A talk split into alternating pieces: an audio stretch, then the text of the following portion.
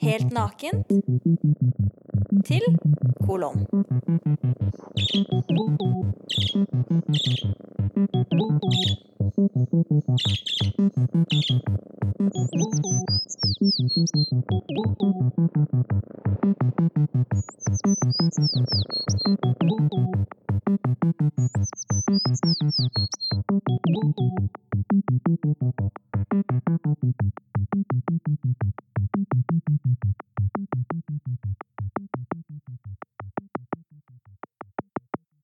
Denne episoden er laget for å høres på når du ikke får sove og ønsker deg et varmt natta-historieteppe rundt kroppen. Om du ikke trenger det akkurat nå, så foreslår jeg at du slår av og sparer den til behovet melder seg. Du får ti sekunder og litt pausemusikk før jeg går videre.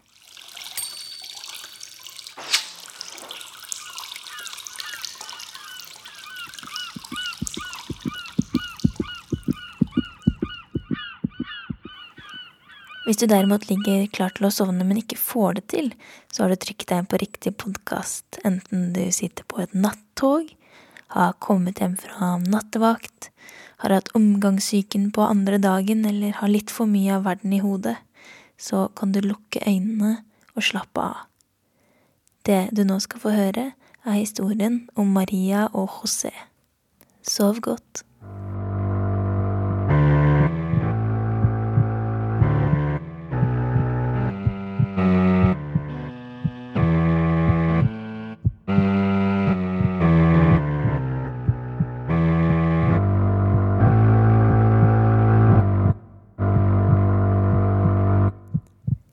Maria er en ung kvinne med høy utdanning. Hun har mørkt hår og jobber i et multinasjonalt selskap med mange ansatte. Hun tjener godt og forsørger ingen andre enn seg selv. Hun er like vakker som de vakreste av sine kolleger. Dessuten er hun reflektert. Maria ligner litt på slike jenter som stupte og svømte og var glade i vann i amerikanske filmer fra 1950-tallet. Når hun ikke er på jobb, sitter Maria nesten bestandig hjemme. Hun har en stor, lys leilighet som hun har kjøpt for penger hun har tjent i det multinasjonale selskapet. Alle som kjenner Maria, synes at hun har en fantastisk fin og trivelig leilighet. Det synes Maria selv også. Det er nesten bestandig beskjeder på Marias telefonsvarer når hun kommer hjem. Mange menn ringer for å be henne ut på middag. De liker henne. De synes hun er fin og deilig. Men Maria er ikke interessert. Mennene maser og maser, og noen av dem truer med å skade seg selv. Det gjør ikke inntrykk på Maria. Hun avviser dem alle, høflig. Maria har aldri vært sammen med noen mann. Hun savner det ikke. Hun tenker aldri på det. Dessuten så liker hun aller best å spise hjemme, alene. Hun lager seg næringsrike middager som hun spiser mens hun lytter til radio eller mens hun leser. Maria abonnerer på flere danske og engelske aviser. Om kveldene så sitter hun helst foran PC-en. Hun kobler seg til systemer som gjør at hun kan kommunisere med mennesker i helt andre deler av verden. Det liker hun. Hun blir kjent med kvinner og menn fra andre kulturer. Det synes Maria er viktig. Hun diskuterer arkitektur og kunst med dem. Utveksler erfaringer om litteratur og samfunnsmessige anliggender. Flere steder på jorda går det mennesker rundt og synes at Maria er en kunnskapsrik og interessant person. Det hender at menn i andre land forelsker seg litt i Maria, selv om de aldri har sett henne. Det forstår ikke Maria noe av. Hun ler litt for seg selv, men så blir hun nervøs og bryter kontakten med dem. Slik lever altså Maria. Hun jobber, hun leser, hun sitter foran PC-en og kommuniserer med verden. Hun vet hva som foregår. vet å holde seg orientert. Hun vet mye. Maria er flink. Men det er likevel noe hun ikke vet. Noe viktig. Det bor en mann i Marias ene øre. En liten mann, riktignok, men like fullt en mann.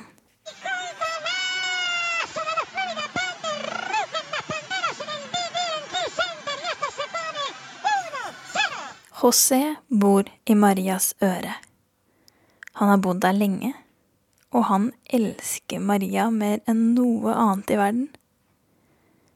Innerst i øregangen holder han til. Han har en seng med noen hyller der inne, nødvendige arbeidsredskaper, en sykkel, et kamera, et lite lager med hermetikk.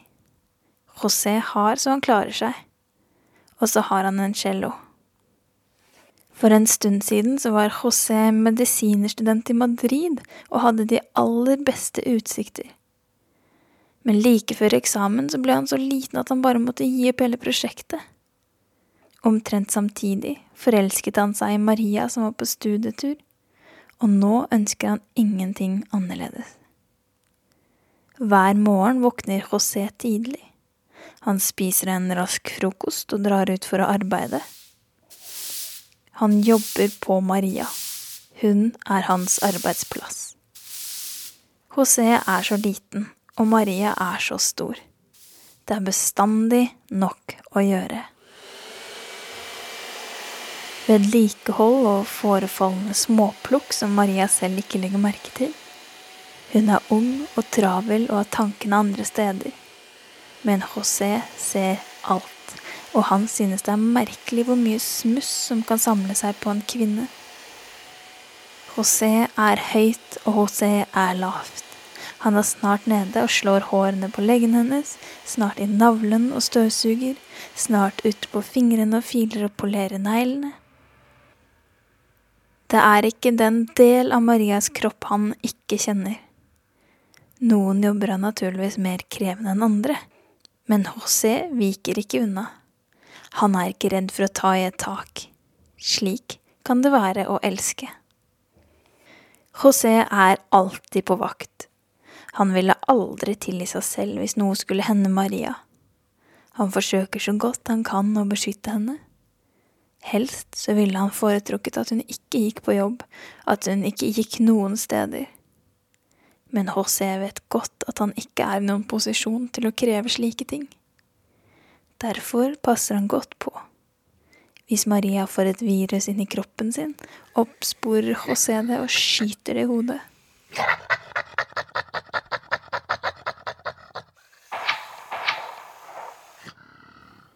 Det er ingen i det multinasjonale selskapet som har færre sykedager enn Maria. Men Maria vet ingenting om at hun blir elsket og tatt vare på. Hun føler seg trygg og fornøyd, av og til helt lykkelig. Hun tror det bare skal være slik. Hun vet ikke at en liten mann ofrer alt for henne. Om nettene før han sovner, sitter José foran Marias trommehinne og spiller cello. Han tar på seg det fineste tøyet han eier, og konsentrerer seg om hvert drag med buen. Han spiller og nynner. Og av og til så synger han lange sanger om unge mennesker i store skoger på språk Maria ikke kjenner. Maria bare sover, og mens hun sover, så smiler hun. José er stolt av at han bidrar til å skape Marias dype følelse av velvære. Ofte er det belønning nok for ham å høre de rolige hjerteslagene og den regelmessige pusten hennes. Men det fineste José vet, er å betrakte Maria mens hun sover. På virkelig varme sommernetter så smører José seg en god matpakke og sykler lange turer på Marias kropp. Når han blir sliten, så setter han seg på et sted med god utsikt og hviler og spiser noen brødskiver. Da føler José seg som en mann med et stort ansvar.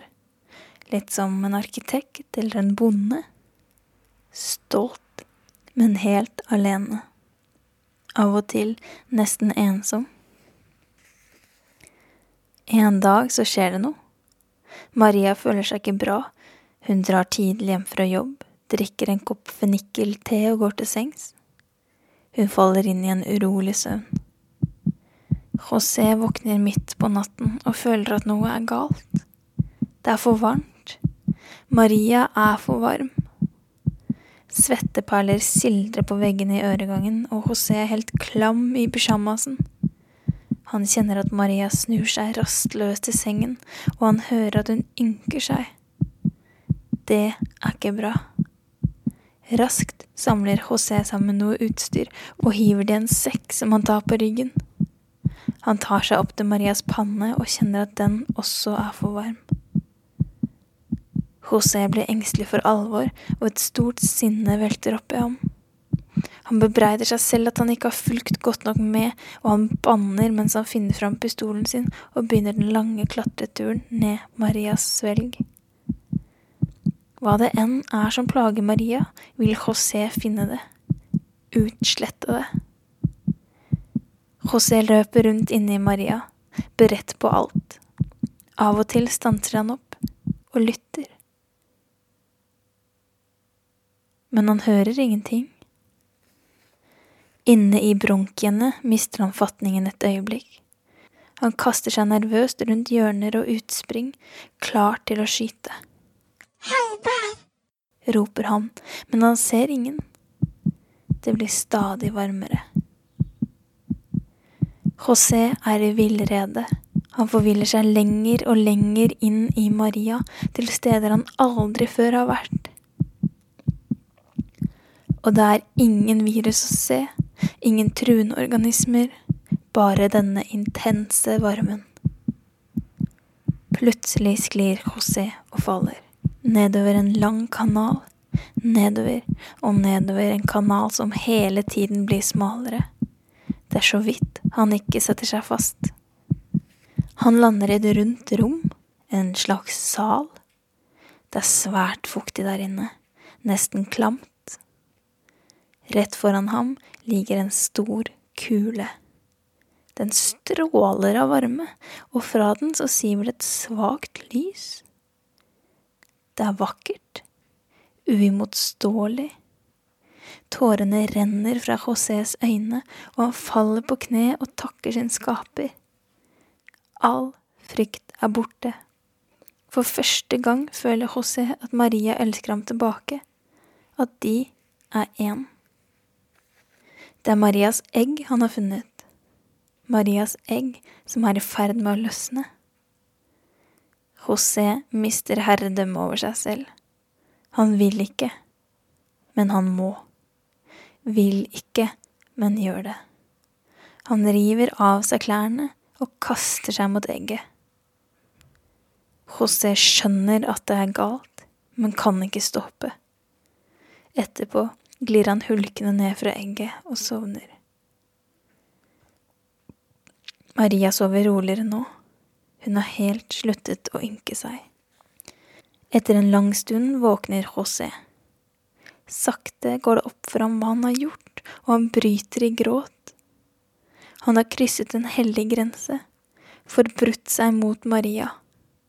Han er ikke bedre enn de mennene som maser og legger igjen beskjeder på Marias telefonsvarer.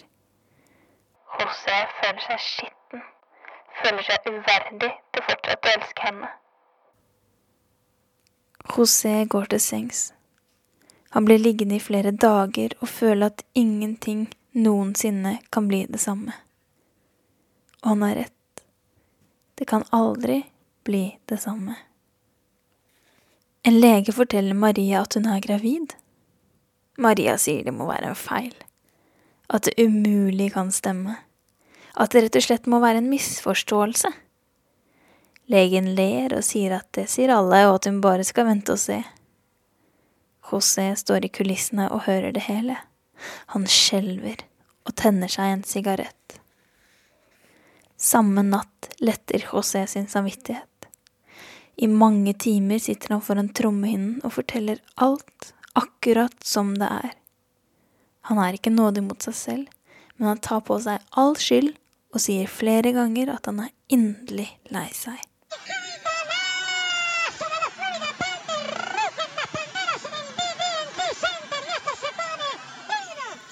José forteller også at han elsker Maria, og at han vil stille opp på sin måte i forhold til barnet.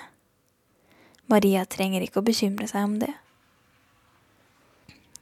José snakker hele natten, og Maria sover. Men noe i henne hører allikevel alt som blir sagt.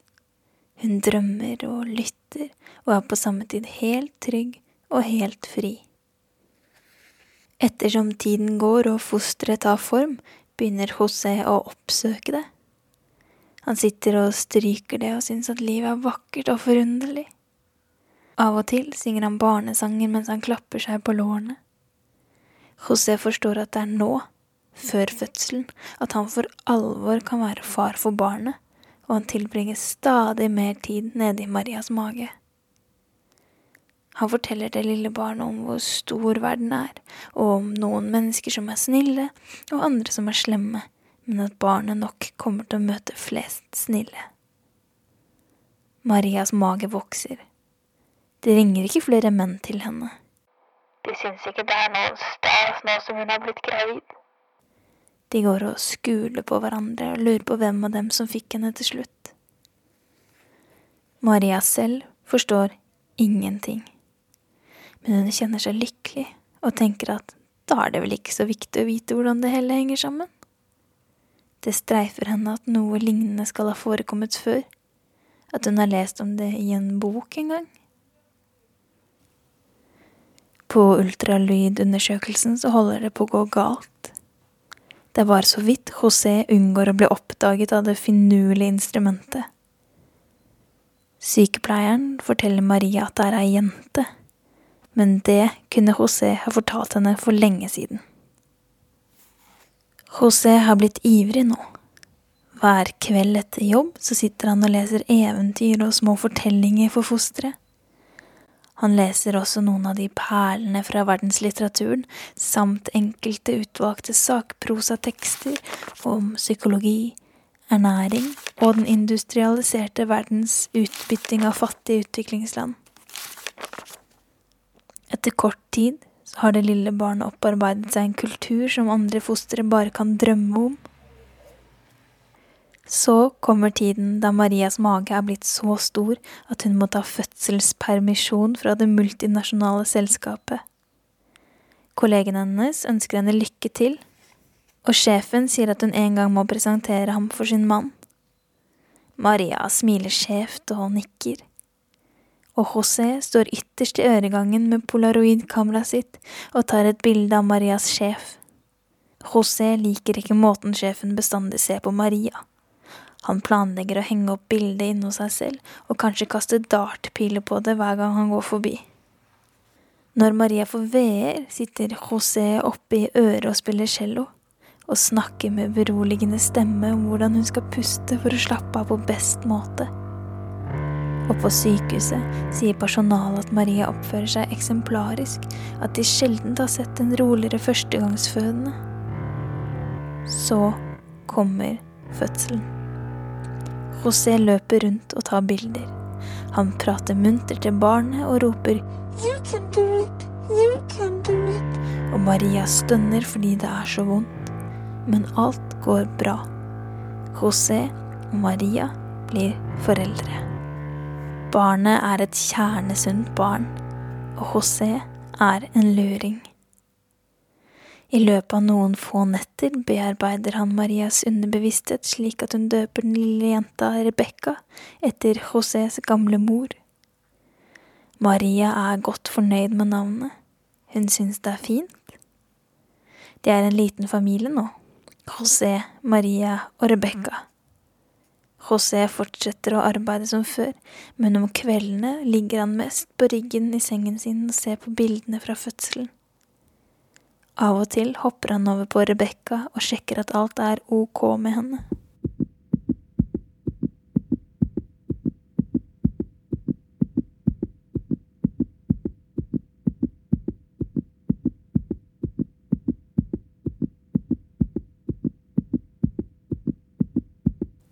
Han stiller seg opp utenfor den smale øregangen og forteller historier og anekdoter og forsøker å få henne til å si pappa før hun sier mamma. Maria sitter mye ved PC-en når Rebekka sover. Yes, I am a mother now, skriver hun til sine venner rundt omkring i verden. It's wonderful and exciting. I am a happy woman.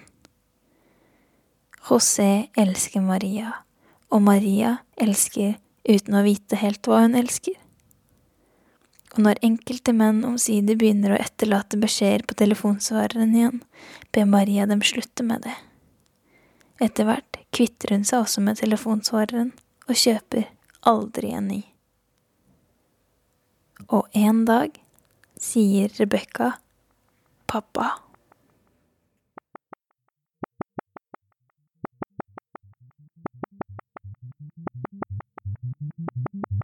Må